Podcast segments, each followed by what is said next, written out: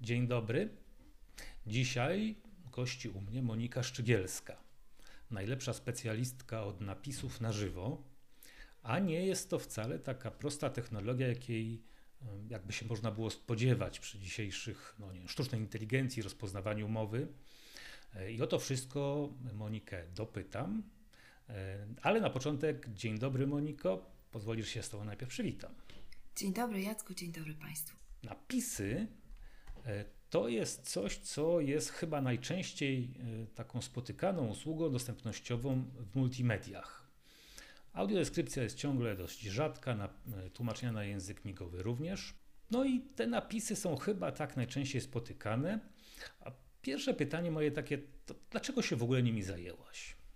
Kiedy zaczynałam zajmować się dostępnością, hmm, zainteresowania z zakresu dostępności cyfrowej spotkały się z dwiema moimi prywatnymi historiami. E, po pierwsze, moja babcia nie słyszała, i kiedy oglądała telewizję, mm, zawsze denerwowała się, że nie docierają do niej wszystkie treści. E, moja babcia mm, zmarła w bardzo zaawansowanym wieku, mając 94 lata, i do końca życia czytała książki.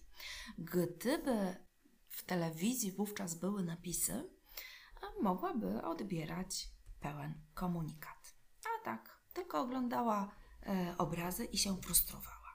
Drugi taki epizod miałam e, taką przygodę, że e, częściowo e, straciłam wzrok. I wtedy o, właśnie e, czytanie głosowe, czyli napisy w drugą stronę, były dla mnie bardzo pomocnym rozwiązaniem. E, I wówczas okazało się, że owszem, dostępność u nas w Polsce te naście lat temu kuleje, ale w zakresie napisów kuleje bardziej. Już na świecie używano napisów na żywo, e, a w Polsce cały czas słyszałam, że się nie da.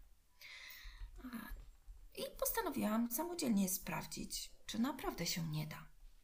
Okazało się, że się da i to z całkiem niezłym efektem. A komu właściwie te napisy są potrzebne? Twoja babcia y, nie słyszała, ja też miałem taką babcię, ona co prawda słyszała, ale ciągle narzekała, że tam tak niewyraźnie mówią. Komu jeszcze?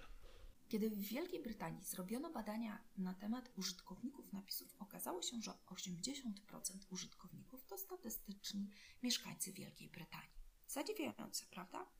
E, nie osoby niesłyszące, a przeciętni użytkownicy telewizji. BBC konkretnie, tak?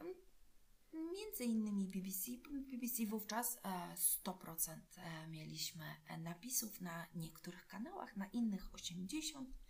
Generalnie w brytyjskiej telewizji tych napisów jest dużo, dużo więcej niż w Polsce. Okazało się, że osoby, które chodzą do pubów, gdzie jest głośno, korzystają z napisów. Ludzie, którzy w domu potrzebują pracować w ciszy, używają napisów oglądając telewizję. Mama, która usypia swoje dziecko, a ogląda e, wiadomości, skorzysta z napisów. Osoba, która nie słyszy, skorzysta z napisów, ale także osoba, której, dla której język angielski nie jest pierwszym językiem, skorzysta z napisów.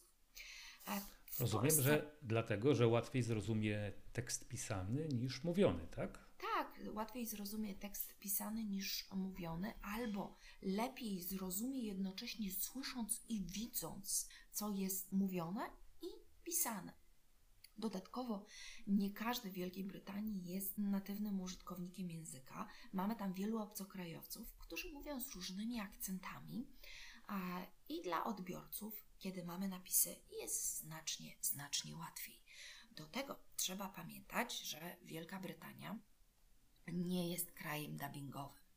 Tam, kiedy film nadawany jest w obcym języku, na przykład po francusku, wszyscy oglądają go z napisami. Mhm. To trochę inaczej niż w Polsce a i w krajach bloku mm, Europy Wschodniej, gdzie wszystko mamy albo z lektorem, albo z dubbingiem. Dopiero od stosunkowo niedawna mamy wybór między wersją lektorską a wersją z napisami. Może to się bierze stąd, że, oni, że większość e, kinematografii to jednak jest po angielsku. Więc oni tak naprawdę niezbyt często mają konieczność tłumaczenia, nie? Pewnie jest to jeden z czynników, który za to odpowiada, ale na świecie kraje dzielą się na dubbingowe i napisowe. Zobacz, na przykład Szwajcaria wcale nie jest krajem, w którym mm, w językach, które, w których tam się mówi, oficjalnych, w których powstaje dużo filmów. A jednak nie powstają tam filmy ani z dubbingiem, ani z lektorem, a właśnie z napisami. I w wersji oryginalnej puszczone są filmy w telewizji e, z napisami dla wszystkich. To są napisy zamknięte czy otwarte tam w BBC? Kiedy mówimy o napisach dla osób słabosłyszących i dla osób głuchych, bo tak w Wielkiej Brytanii określane są napisy for deaf and hard of hearing, mówimy o napisach zamkniętych, czyli każdy, kto ich potrzebuje, może je włączyć. Kiedy mówimy o napisach w filmach obcojęzycznych, których teoretycznie użytkownikami mogą być wszyscy, to są napisy otwarte. Od razu film emitowany jest z takimi napisami i nie można ich włączyć ani wyłączyć.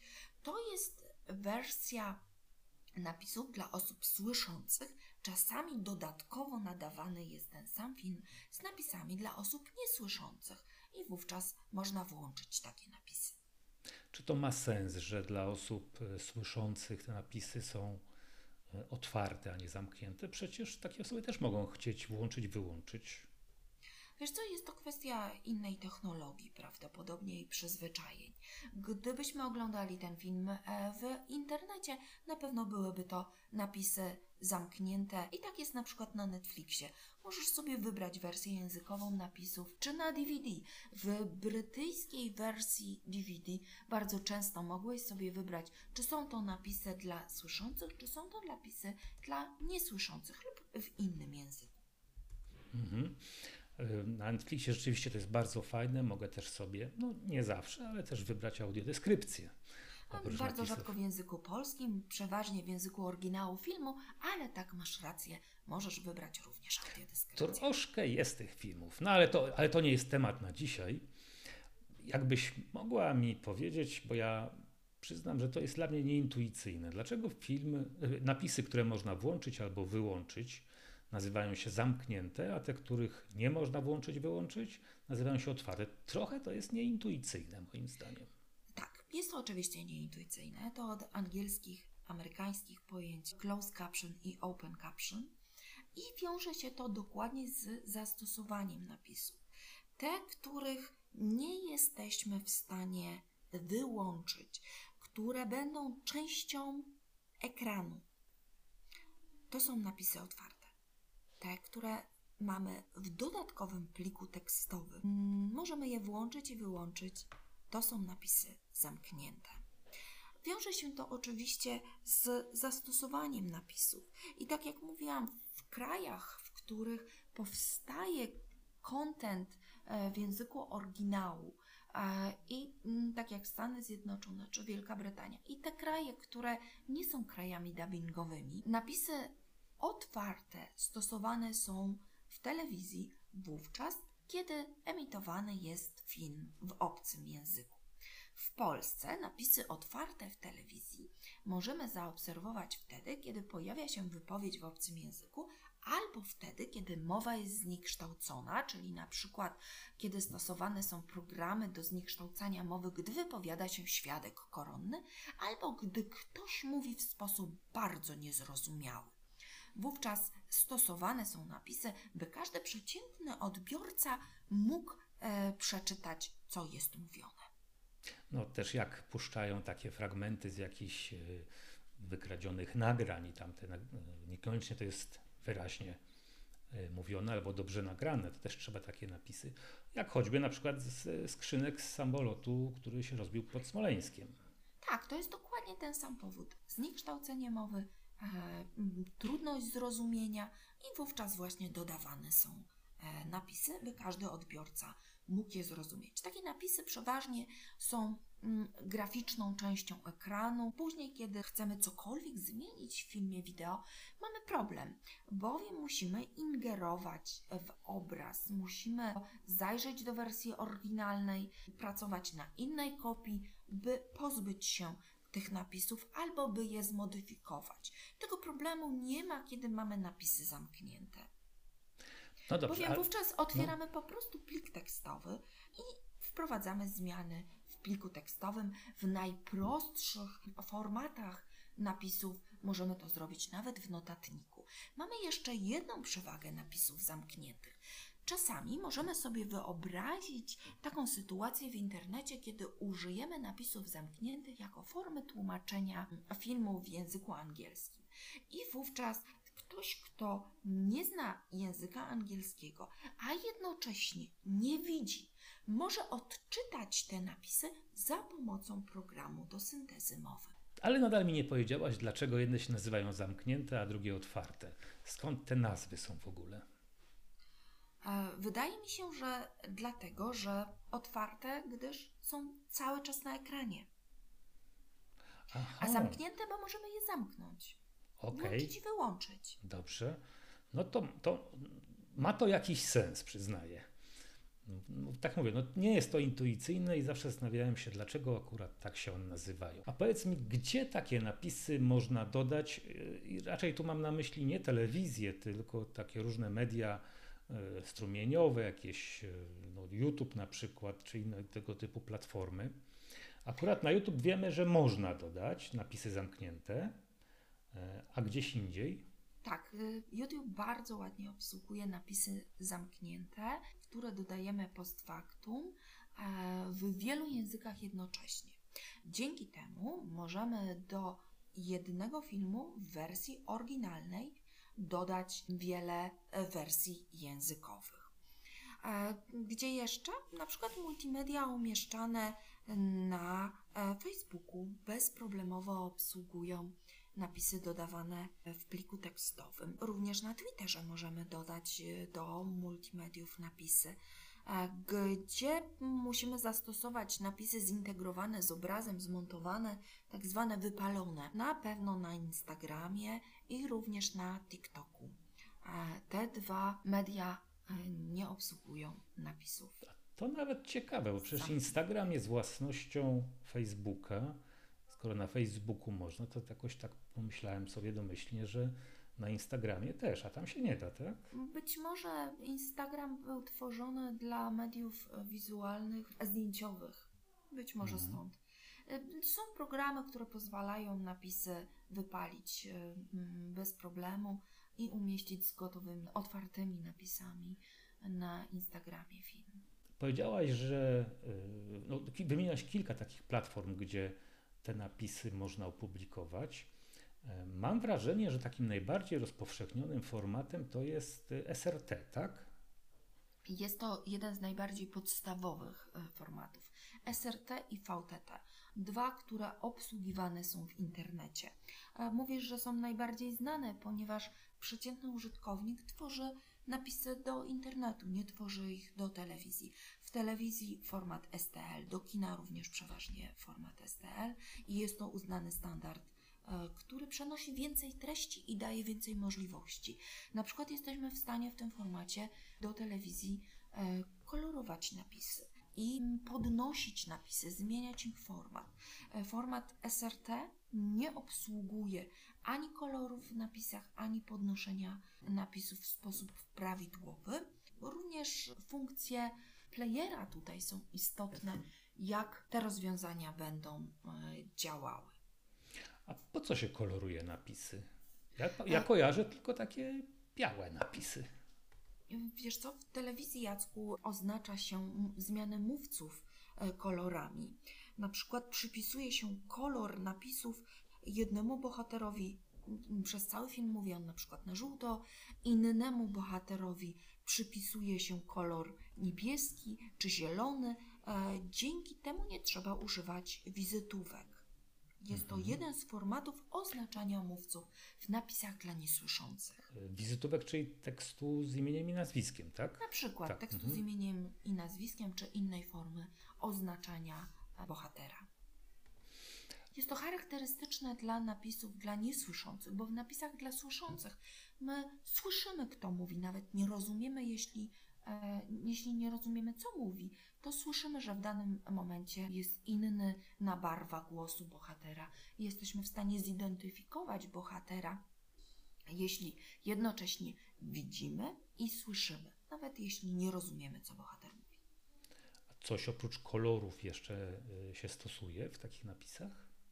Dla niesłyszących? Tak, Mhm. opisujemy istotne dźwięki, nie każde dźwięki. Amatorzy mają to do siebie, że potrafią podpisać każdy śmiech i każde szczekanie psa, nawet jeśli widzimy tego psa na ekranie. Zasada jest taka w napisach dla niesłyszących, że opisujemy istotne dźwięki, czyli na przykład jeśli e, coś dzieje się poza kadrem, co innego jest na ekranie, co innego widzimy na ekranie, a jakiś istotny dźwięk słyszymy w tle mm, i nie możemy wywnioskować, zrozumieć akcji bez tego dźwięku, wówczas opisujemy ten dźwięk. Przykład?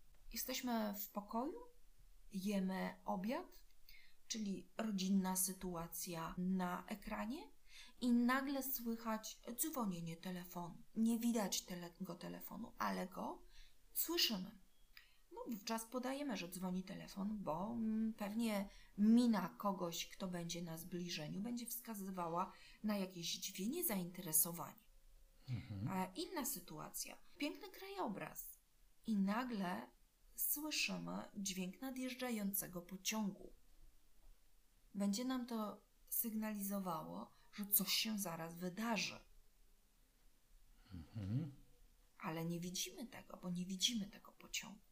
I to są takie sytuacje, w których przede wszystkim o nagłych rzeczach, które są poza kadrem, albo o rzeczach związanych z e, zagrożeniem, kiedy muzyka czy dźwięki sygnalizują zagrożenie. O, no właśnie, to co? piszemy to właśnie No. w opisie, e, w napisach. Ale co się pisze? Na przykład no, zaczyna się e, film Szczęki i tam jest taka no, bardzo znana, znany muzyka. motyw muzyczny. I co, co trzeba napisać wtedy? No, na przykład piszemy, że jest to groźna e, muzyka albo nerwowe dźwięki. Mhm. Zależy, jaka to jest muzyka. Albo nadjeżdżający pociąg, albo dzwonek telefonu, czy dzwonek do drzwi. Muszę Ci powiedzieć, że to, co mi mówiłaś o tych napisach, to bardzo do mnie trafia, bo ja to samo mówię o tekstach alternatywnych, żeby nie opisywać wszystkiego, tylko to, co jest e, istotne, kluczowe dla, danego, dla danej grafiki. A często zdarza się, że jednak ludzie opisują wszystko i to nie jest potrzebne, a czasem jednak utrudnia zapoznawanie się z treściami. Tutaj musimy wyważyć, co jest istotne, ze względu na prędkość czytania. Oczywiście, mm, jak zapytasz osób szczególnie słabo słyszących, e, że oni są mistrza, mówią, że są mistrzami czytania, że czytają dużo szybciej niż przeciętna osoba. Owszem, są w stanie trochę szybciej czytać i więcej przeczytać, ale jeśli do tekstu, którego jest dużo do czytania, dodamy jeszcze drugie tyle opisu dźwięków, to nikt tego nie zdąży, nie zdążą. przeczytać. No tak. I nawet jeśli skupi się tylko na czytaniu tekstu, to straci przyjemność oglądania filmu, bo nie zdąży patrzeć na obraz. A w tym momencie trzeba to wyważyć. Więc jeśli ja widzę na ekranie szczekającego psa albo śmiejącego się człowieka, to po co to podpisywać? Mhm. Słusznie.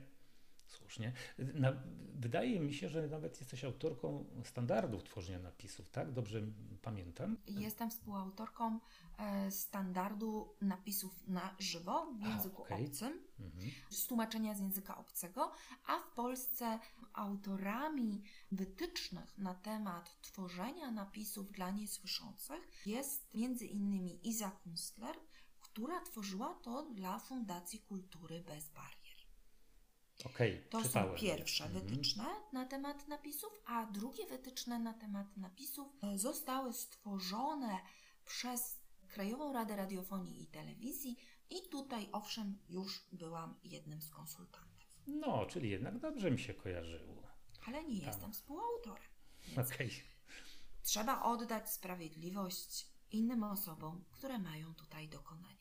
Powiedz mi, w czym ty przygotowujesz y, napisy te statyczne, bo rozumiem, że tymi też się zajmujesz, tak? Czy, E, czy tylko na żywo? Mhm. się tym mój zespół e, Dostępnie EU. I mm, nasi napisowcy przede wszystkim tworzą napisy korzystając z oprogramowania profesjonalnego e, i jest to przede wszystkim Easy Titles. Co byś doradziła innym, którzy no, mogą sobie nie poradzić z narzędziami takimi profesjonalnymi, a i pewnie też drogimi, jak się domyślam. Jak, w czym Każde narzędzie wymaga przygotowania, zapoznania się zarówno z narzędziem mm, i opanowanie narzędzia, i czy bez względu na to, czy to będzie e, kompletnie bezpłatny subtitle edit, czy będzie to częściowo odpłatny albo mniej odpłatny Happy Scribe, czy będzie to całkowicie profesjonalny Easy Titles, czy będzie to darmowa Amara, czy już narzędzie, e, w którym się bardzo ciężko tworzy napisy, ale jest to możliwe, e, dostępne na YouTubie. Niezależnie od tego, trzeba poświęcić czas, by poznać narzędzie. I druga kwestia, trzeba zapoznać się z zasadami tworzenia napisów. Nie tylko obsługa narzędzia, ale także e, nauczenie się zasad. Bez tych zasad te napisy będą trudne i niekoniecznie profesjonalne. Tak jakbyś miała wymienić trzy najważniejsze z tych zasad. Ja wiem, że ich jest więcej, ale takie trzy, które szczególnie trzeba zapamiętać. Przede wszystkim poprawność językowa i ortograficzna tekstu. A druga zasada, e, wierność tego tekstu i e, zgodne z zasadami skróty w tekście, bo tekst w napisach nigdy nie jest dosłowny. I po trzecie, podział napisów na wiersze zgodnie z logiką języka polskiego i z zasadami podziału tekstu. Z tym mm, amatorzy najczęściej mają problem. Czwarta zasada to prawidłowa synchronizacja tekstu z dźwiękiem. Nie jest tego jakoś bardzo dużo, mam wrażenie. Czy prostu się trzeba Wiesz trzymać, tak? Nawet przy e, tych krótkich e, zasadach, bardzo e, ograniczonych, bo jest ich więcej, i tak można popełnić bardzo wiele błędów. Standardowy kurs napisów, zwykłych napisów, to jest jeden semestr i drugi e, kurs napisów dla niesłyszących. To jest drugi semestr. Trzeci semestr to kurs napisów na żywo mm, i tacy ludzie trafiają do nas, do firmy i wówczas mają trzymiesięczny staż, by być dopuszczonym do pracy. To dużo semestr, żeby się nauczyć robić napisów. Mam wrażenie, że to jest długo. To jest tak skomplikowane, czy, czy jaki co, jest nie jest to powód? tak skomplikowane, no ale jednak e, jeśli tworzysz napisy dla słyszących, tworzysz je z materiału w obcym języku. Jeśli tworzysz napisy dla niesłyszących, musisz się nauczyć bardzo sprawnego obsługiwania narzędzia, by móc na tym zarabiać, by być efektywnym w tym, co robisz. E, Jeśli chcesz tworzyć napisy na żywo, musisz e, opanować umiejętności tłumaczy symultanicznych, czy to w obrębie języka polskiego, czy z tłumaczeniem z języka obcego, ale także software. E, Nie wiem, czy to jest dużo. Ludzie, którzy trafiają do nas po kursie akademickim, jeszcze przechodzą nasze wewnętrzne szkolenie i ćwiczą, ćwiczą, ćwiczą, ćwiczą, zanim zostaną dopuszczeni do pracy na żywo, gdzie mm, użytkownik nie wybacza błędów. No dobrze, skoro doszliśmy do tych napisów na żywo, to powiedz mi, gdzie się właściwie takich napisów na żywo używa? Mam wrażenie, że to jest ciągle dość mało popularne.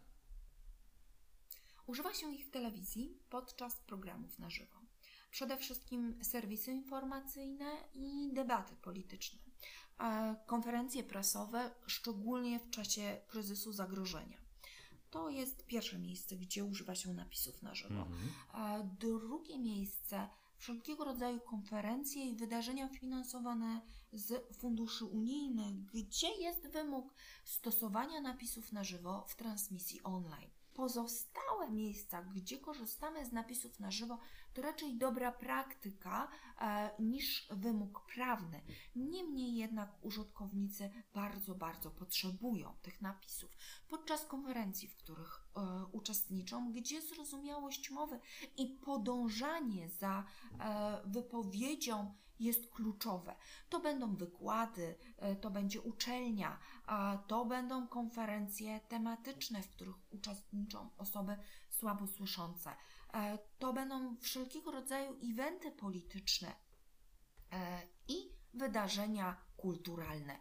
Nie możemy powiedzieć, że podczas jednego wydarzenia napisy są potrzebne bardziej, podczas innego mniej, bo to już wkraczamy w kwestię zainteresowań osób słabosłyszących i te osoby, e, m, dla jednego ciekawy będzie wykład profesora o fizyce, dla innego konferencja prasowa premiera, czy konferencja e, o nowych mediach. Tutaj nie możemy wchodzić już w decydowanie, co jest bardziej potrzebne, a co mniej. No dobrze.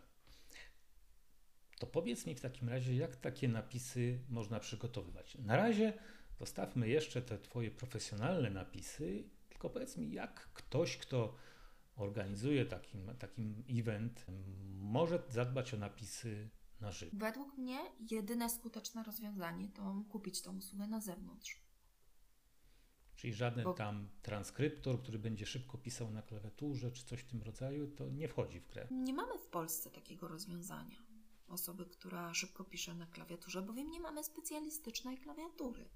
Mamy osoby, które robią szybko notatki, ale szybkie robienie notatek to nie jest możliwość tworzenia napisów na żywo, ze względu na to, że taka osoba, która robi notatki, przede wszystkim e, upraszcza tekst i zapisuje co któreś zdanie, to co jest najważniejsze, a nie tworzy w miarę wiernych napisów, oczywiście według zasad e, tworzenia napisów. To trochę smutne, muszę Ci powiedzieć. No dobrze, a Wiesz, można powiedzieć, że jest to trochę smutne. No oczywiście można się tego nauczyć, ale czy rozpaczamy nad tym, że każdy z nas nie jest w stanie sam uszyć sobie butów albo zrobić wędliny czy sera? Nie każdy z nas to potrafi. Zazwyczaj idziemy i kupujemy w sklepie. to Co prawda. nie jest wykluczone, że jesteśmy się w stanie tego nauczyć i jest to kwestia wyłącznie determinacji, włożonego czasu i no, oczywiście zdolności także, bo wiemy już z badań, jakie umiejętności trzeba mieć, aby takie napisy stworzyć. A co z takimi narzędziami, na przykład jak Microsoft Teams, które od pewnego czasu potrafią robić taką transkrypcję e, na żywo i to po polsku? Ja Tak, sobie to mamy- oglądałem i to naprawdę działało całkiem, całkiem. E, tak, mamy oprogramowanie, które jest w stanie e, automatycznie dokonać transkrypcji mowy na tekst. Zazwyczaj w pewnych określonych sytuacjach będzie ono działało całkiem nieźle. Ale jaka to jest ta pewna określona sytuacja? Po pierwsze, muszą być spełnione dobre warunki akustyczne. Po drugie, musi wyraźnie mówić jeden mówca we w miarę naturalny sposób. Po trzecie, nie może używać specjalistycznych pojęć bądź marek, e, które występują w nienaturalnym kontekście. I wówczas faktycznie takie narzędzia automatyczne mogą sobie poradzić. Niemniej jednak zawsze może się zdarzyć, że będzie jakieś podobne słowo, które maszynowe rozpoznawanie mowy rozpozna inaczej niż byśmy chcieli. I tekst będzie w kontekście zrozumiały, ale będzie znaczył zupełnie coś innego. Taką sytuacją, która drogo Polskę kosztowała, e, było automatyczne tłumaczenie filmu, e, w którym premier tłumaczył, że w Polsce nie było żadnych polskich obozów śmierci. I niestety automatyczne tłumaczenie pominęło nie. E, Skandal dyplomatyczny gotowy. Mhm. W BBC również się tak zdarzyło kilka razy, gdzie jedna litera zdecydowała o tym, że zamiast roku konia wyszedł, mm, wulgarnie rzecz ujmując, rok ulicznicy. Jedna litera. E, Muszę sprawdzić w takim razie w słowniku, bo e, zaciekawiłaś mnie. Nie będę przeklinać publicznie. Dobrze, bo mamy taki ustawiony na tym podcaście poziom, e, że dzieci mogą tego słuchać, więc rzeczywiście e, dziękuję, że nie, nie, że nie muszę tego wycinać. A to w takim razie opowiedz, jak to ty robisz. Albo raczej Jak twoja firma. napisy? Mhm. E, Już opowiadam. My korzystamy z metody jedynej, która w Polsce pozwala na profesjonalne tworzenie napisów z takim efektem. Korzystamy z metody respeakingu, to znaczy wykorzystujemy oczywiście automatyczne rozpoznawanie mowy i transkrypcję mowy na tekst, ale wprowadzamy dodatkowo pośrednika między mówcą a oprogramowaniem, czyli respikera, osobę, która powtarza po mówcy. To jest pierwszy element, który zmienia nam automatyczne rozpoznawanie mowy. Taka osoba wie, w jaki sposób mówić, by poprawić efekt rozpoznawania mowy. Przykładowo, jeśli widzi, że jakiś wyraz się nie rozpoznaje, używa synonimu. E, ponadto, aby poprawić rozpoznawanie mowy, przed każdym wydarzeniem do słownika wprowadzamy pojęcia, które mogą być dla rozpoznawania mowy obce. Czyli powiększamy zasoby słownika i testujemy je. Tego się nie da zrobić w aplikacjach do automatycznego rozpoznawania mowy, takich o których wspomniałeś. Nie da się poszerzyć tego słownika. My nie mamy nad nim kontroli. A w naszym oprogramowaniu zawsze możemy sprawdzić, czy dane słowo występuje, czy musimy je dodać do słownika. Ponadto, aby poprawić efekt rozpoznawania mowy, mamy jeszcze moderację. E, druga osoba w czasie rzeczywistym poprawia to, co pokazuje się na ekranie. I dzięki temu te napisy mają naprawdę wysoką jakość. To oprogramowanie do rozpoznawania mowy, hmm, czy ono się dostosowuje, albo czy raczej tak jakoś profilujesz pod kątem respikera, czy to raczej respiker się musi dostosować do tego oprogramowania? Wiesz co, kiedyś na samym początku tak było. Tylko to oprogramowanie powstawało w innej technologii. Od kiedy mamy inteligentne rozwiązania i sieci neuronowe wykorzystywane w tworzeniu oprogramowania do rozpoznawania mowy nowej generacji, oprogramowanie adaptuje się do mówcy. I Czyli... teoretycznie nie ma znaczenia profil głosowy mówcy. Ale wiemy z badań, że głosy kobiece na starcie rozpoznają się lepiej jak głosy męskie. O, Więc kobiety mają taki mały plusik w rozpoznawaniu mowy. Na świecie stosowane są różne metody. Jest specjalistyczna klawiatura i można bardzo szybko pisać na tej specjalistycznej klawiaturze i również program dekoduje na napisy. Można korzystać z metody respeakingu. Czasami korzysta się też, ale w bardzo specyficznych sytuacjach, z samej moderacji automatycznego rozpoznawania mowy. Zawsze jednak tam, gdzie mają być profesjonalne i wysokiej jakości napisy, potrzebny jest człowiek. We wszystkich standardach europejskich mowa jest o tym, że jeśli chcesz korzystać z profesjonalnych napisów, właśnie ze względu na te nawet rzadkie, ale bardzo bolesne pomyłki, korzystaj z usług człowieka. Kiedy automatyczne rozpoznawanie mowy kompletnie sobie nie poradzi? Wtedy, kiedy w debacie e, uczestniczy kilku mówców, którzy sobie przerywają, czyli na przykład obrady sesji Rady Miasta. Wówczas nie ma mowy, kiedy ludzie się kłócą, kiedy poziom emocji jest bardzo wysoki, kiedy wchodzą sobie w słowo. Niestety oprogramowanie do rozpoznawania mowy automatycznie przestaje sobie radzić. Następnie technologia, czy internet, czy nagłośnienie nie radzi sobie, kiedy mamy przerwy w dostawach. Wówczas również oprogramowanie sobie nie poradzi. Człowiek tutaj może wydać komunikat. Mamy przerwę techniczną, albo nie słyszę dźwięku i mm, odbiorca dostaje jakiś komunikat, a podczas automatycznego rozpoznawania mowy albo dostajemy treści kompletnie niezrozumiałe, bełkotliwe, albo oprogramowanie staje i przestaje produkować tekst. Odpowiedziałaś mi też na pytanie, które mi się nasuwało, to znaczy po co ten respiker, skoro jednak to i tak będzie automat rozpoznawał mowę. Czy rozumiem, że to jest kwestia poziomu dokładności, tak? Przede wszystkim. Tak, poziomu dokładności a, i jakość tekstu.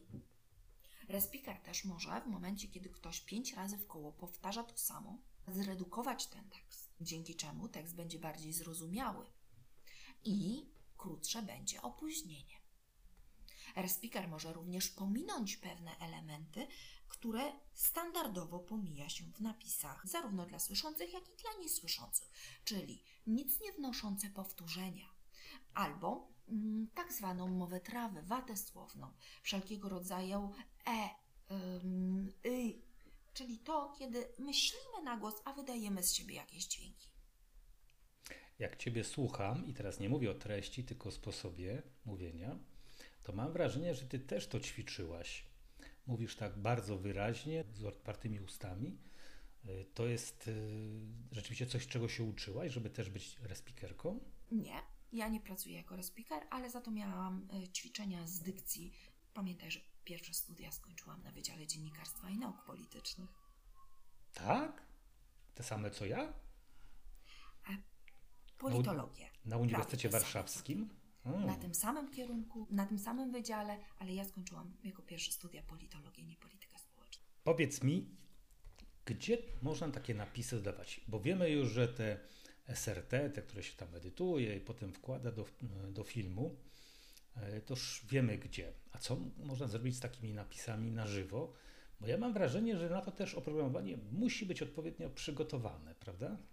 E, tak. Przede wszystkim trzeba zintegrować oprogramowanie do tworzenia i edycji napisów z oprogramowaniem do rozpoznawania mowy i oprogramowaniem, w którym emitowany jest film. W telewizji wygląda to tak, że należy, należy dokonać połączenia trzech ogniw. Programu, w którym tworzymy napisy, programu, który nam automatycznie rozpoznaje i przerabia mowę na tekst i oprogramowaniem telewizyjnym. A kiedy jesteśmy e, w świecie internetu, musimy zadbać o to, by program, w którym edytujemy napisy i emitujemy, wypuszczamy do emisji, e, by był zintegrowany z programem do rozpoznawania mowy. A te dwa muszą być zintegrowane z programem, którym dokonujemy transmisji na żywo, czyli z oprogramowaniem streamingowym. Na szczęście w oprogramowaniu streamingowym zazwyczaj możemy emitować napisy na dwa sposoby. Jeśli nie ma możliwości emisji napisów zamkniętych, bo mm, nie dokonana została integracja między polskojęzycznym oprogramowaniem czy polskojęzycznym oprogramowaniem do edycji tekstu, możemy wówczas wypuścić napisy otwarte jako napisy graficzne. Tutaj mamy drugie rozwiązanie, które mm, oprogramowanie streamingowe nam umożliwia. Oczywiście mówimy o profesjonalnym oprogramowaniu e, streamingowym na pełnej płatnej licencji, a nie e, programach do darmowej e, transmisji. No dobrze, jak ktoś by chciał tak jednak na przykład z YouTube'a skorzystać, żeby transmisję, albo z Microsoft Stream, albo no nie wiem z czego tam jeszcze. A, na Facebooku chyba też można.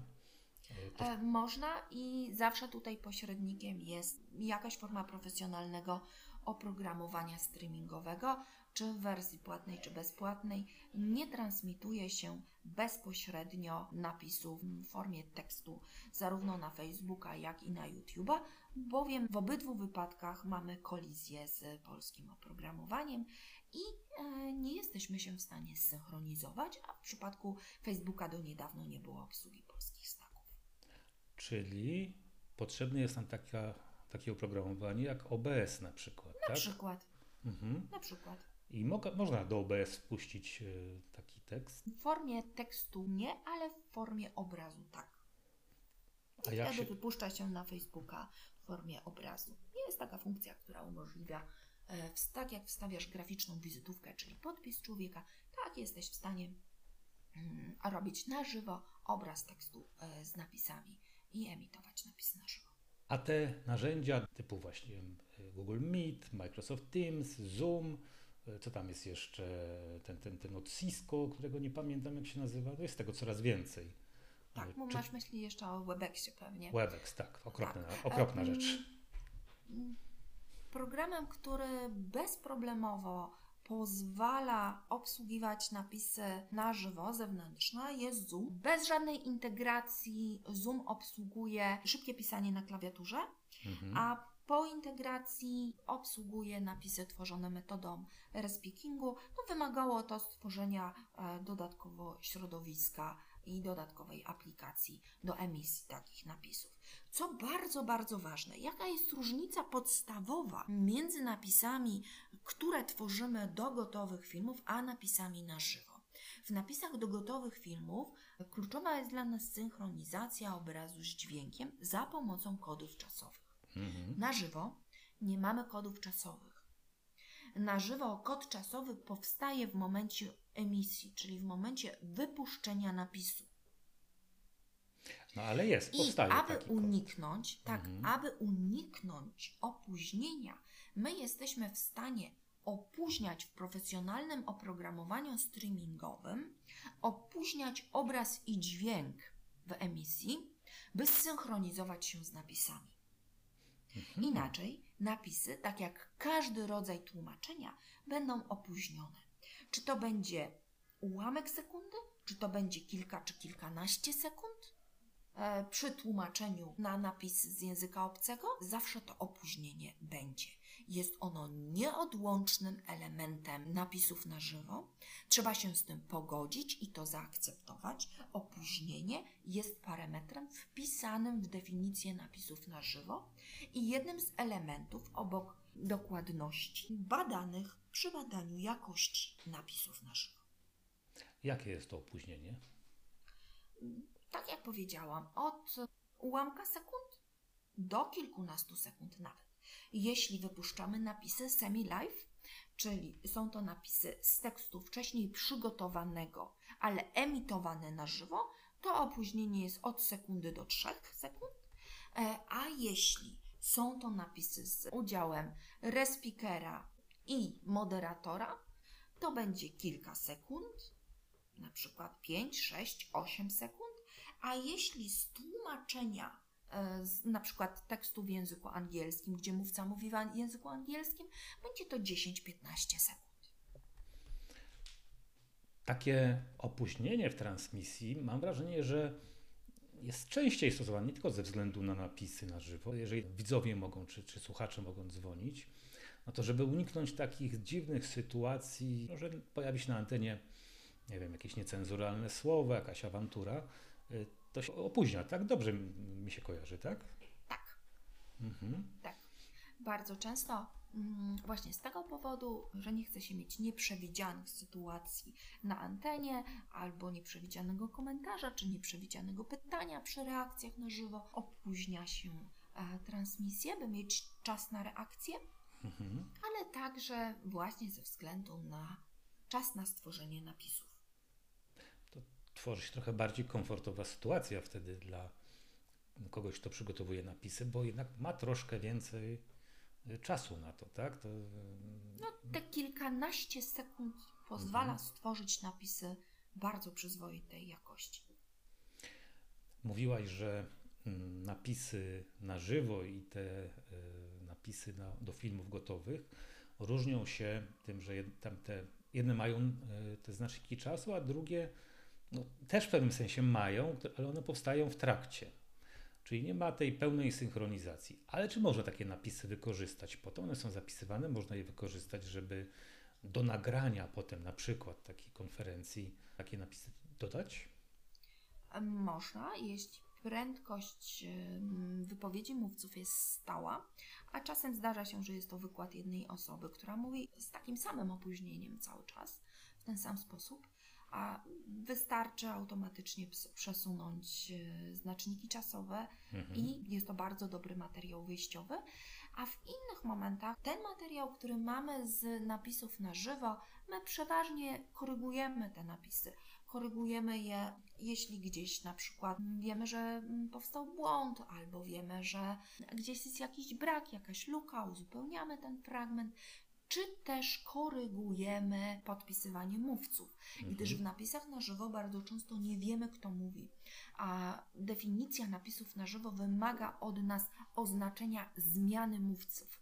Czasami jest to po prostu strzałeczką, e, że od tego momentu mówi ktoś inny. My nie zawsze wiemy, kto mówi, i wówczas ten rodzaj oznaczenia zastępuje nam wizytówki. Kiedy przygotowujemy napisy dla gotowego filmu, my zawsze podpisujemy mówców, oznaczamy mówców, tak by wiadomo było, kto w danej sytuacji mówi.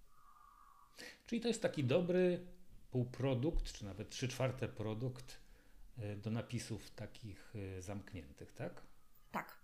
Mhm. Tak, Tak, one powstają wtedy w zupełnie innym czasie. Padła już nazwa Dostępni EU. To jest firma, która zajmuje się e, właśnie napisami na żywo. Kto zamawia takie napisy u Ciebie?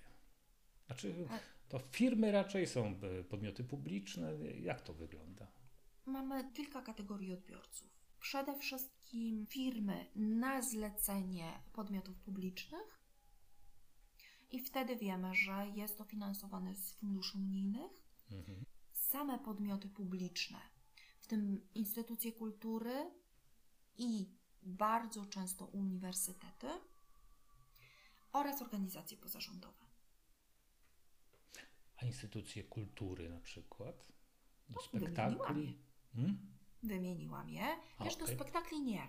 Do spektakli nie tworzy się napisów na żywo. To były napisy przygotowywane wcześniej, bo scenariusz spektaklu jest znany z wyprzedzeniem i my wiemy, co aktorzy będą mówili.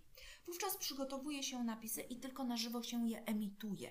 To jest identycznie jak w wiadomościach czy w programach informacyjnych do materiałów przygotowanych wcześniej. Muszę Ci powiedzieć, że y, ja mam trochę inne informacje.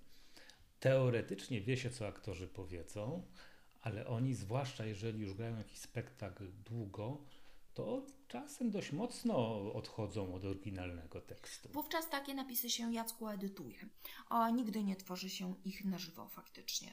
Mhm. Edytuje się je, e, zmienia się jedno, dwa, trzy zdania, a potem wraca się do tego tekstu wcześniej przygotowanego. Nikt e, nie idzie czy do opery, czy do teatru z oprogramowaniem do tworzenia napisów stricte na żywo. Opowiedz jeszcze chwilę o, mm, o tym, czym się zajmujesz u siebie, bo mam wrażenie, oprócz tego, że w firmę, to tak wspominałaś o tych studiach podyplomowych, tak? To rozumiem, że też prowadzisz tego typu zajęcia, tak? Wspominałam o studiach niekoniecznie podyplomowych, bowiem napisów i dostępności można się uczyć również na studiach stacjonarnych drugiego stopnia.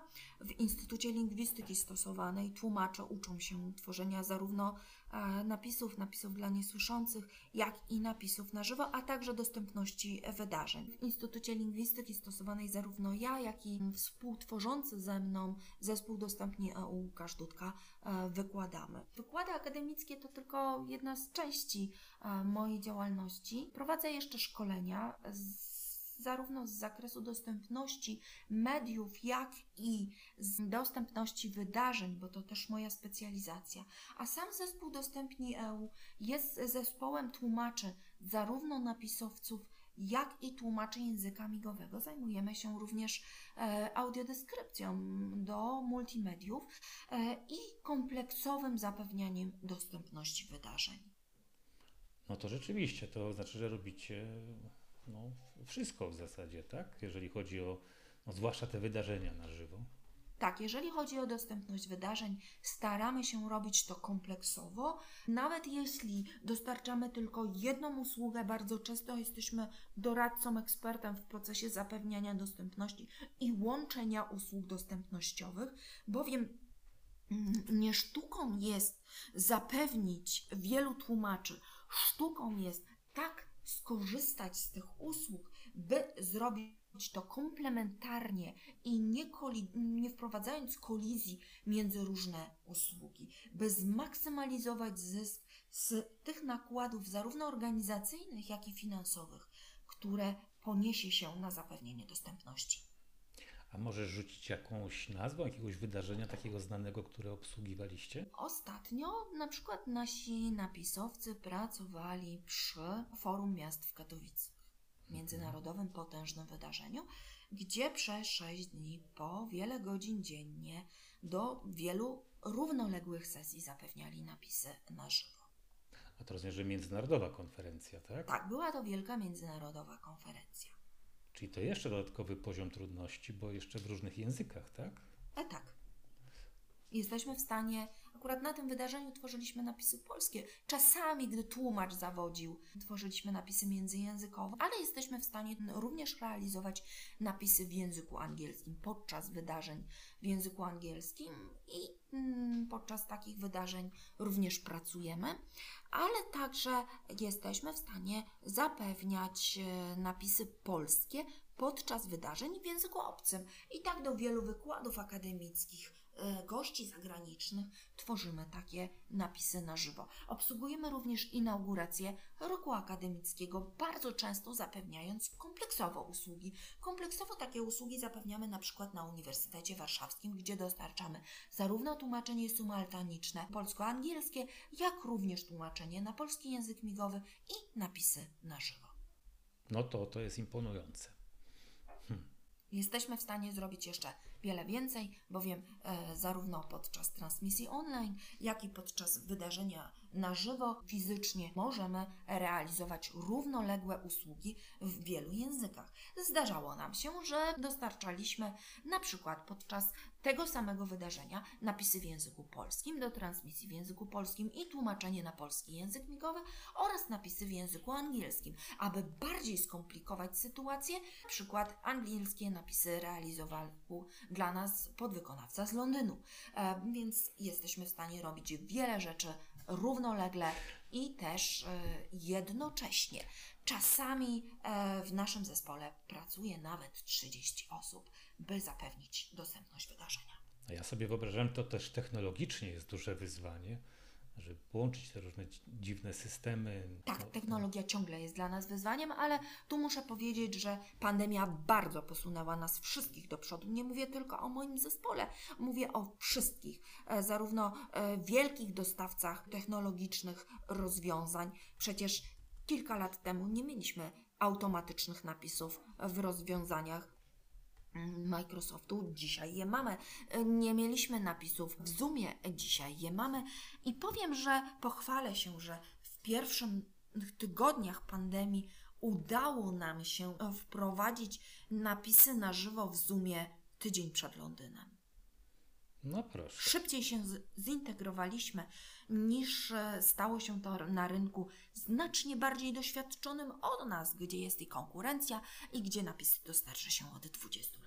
Bardzo Ci dziękuję, Moniko. Myślę, że to jest y, temat, który powinien zainteresować tych, którzy organizują duże wydarzenia, bo na początku powiedzieliśmy, że nie tylko osoby głuche korzystają z napisów. Organizując coś na żywo, warto zadbać o te napisy, żeby jak najwięcej ludzi mogło skorzystać e, z takiego wydarzenia, z prezentacji czy, czy przemówienia. Gratuluję Ci też, bo to są rzeczywiście duże osiągnięcia, takie na miarę chyba światową, nie? Myślę, że czasami konkurujemy z firmami międzynarodowymi, mm, szczególnie podczas e, wydarzeń akademickich. Udaje nam się wygrywać przetargi międzynarodowe, szczególnie w obsłudze wydarzeń akademickich, e, gdzie tworzymy napisy w języku angielskim. Jeśli chodzi o napisy na żywo, w przyszłym roku będziemy obchodzili dziesięciolecie napisów na żywo w Polsce. Kto je zaczął? To też wy? Oczywiście, że my.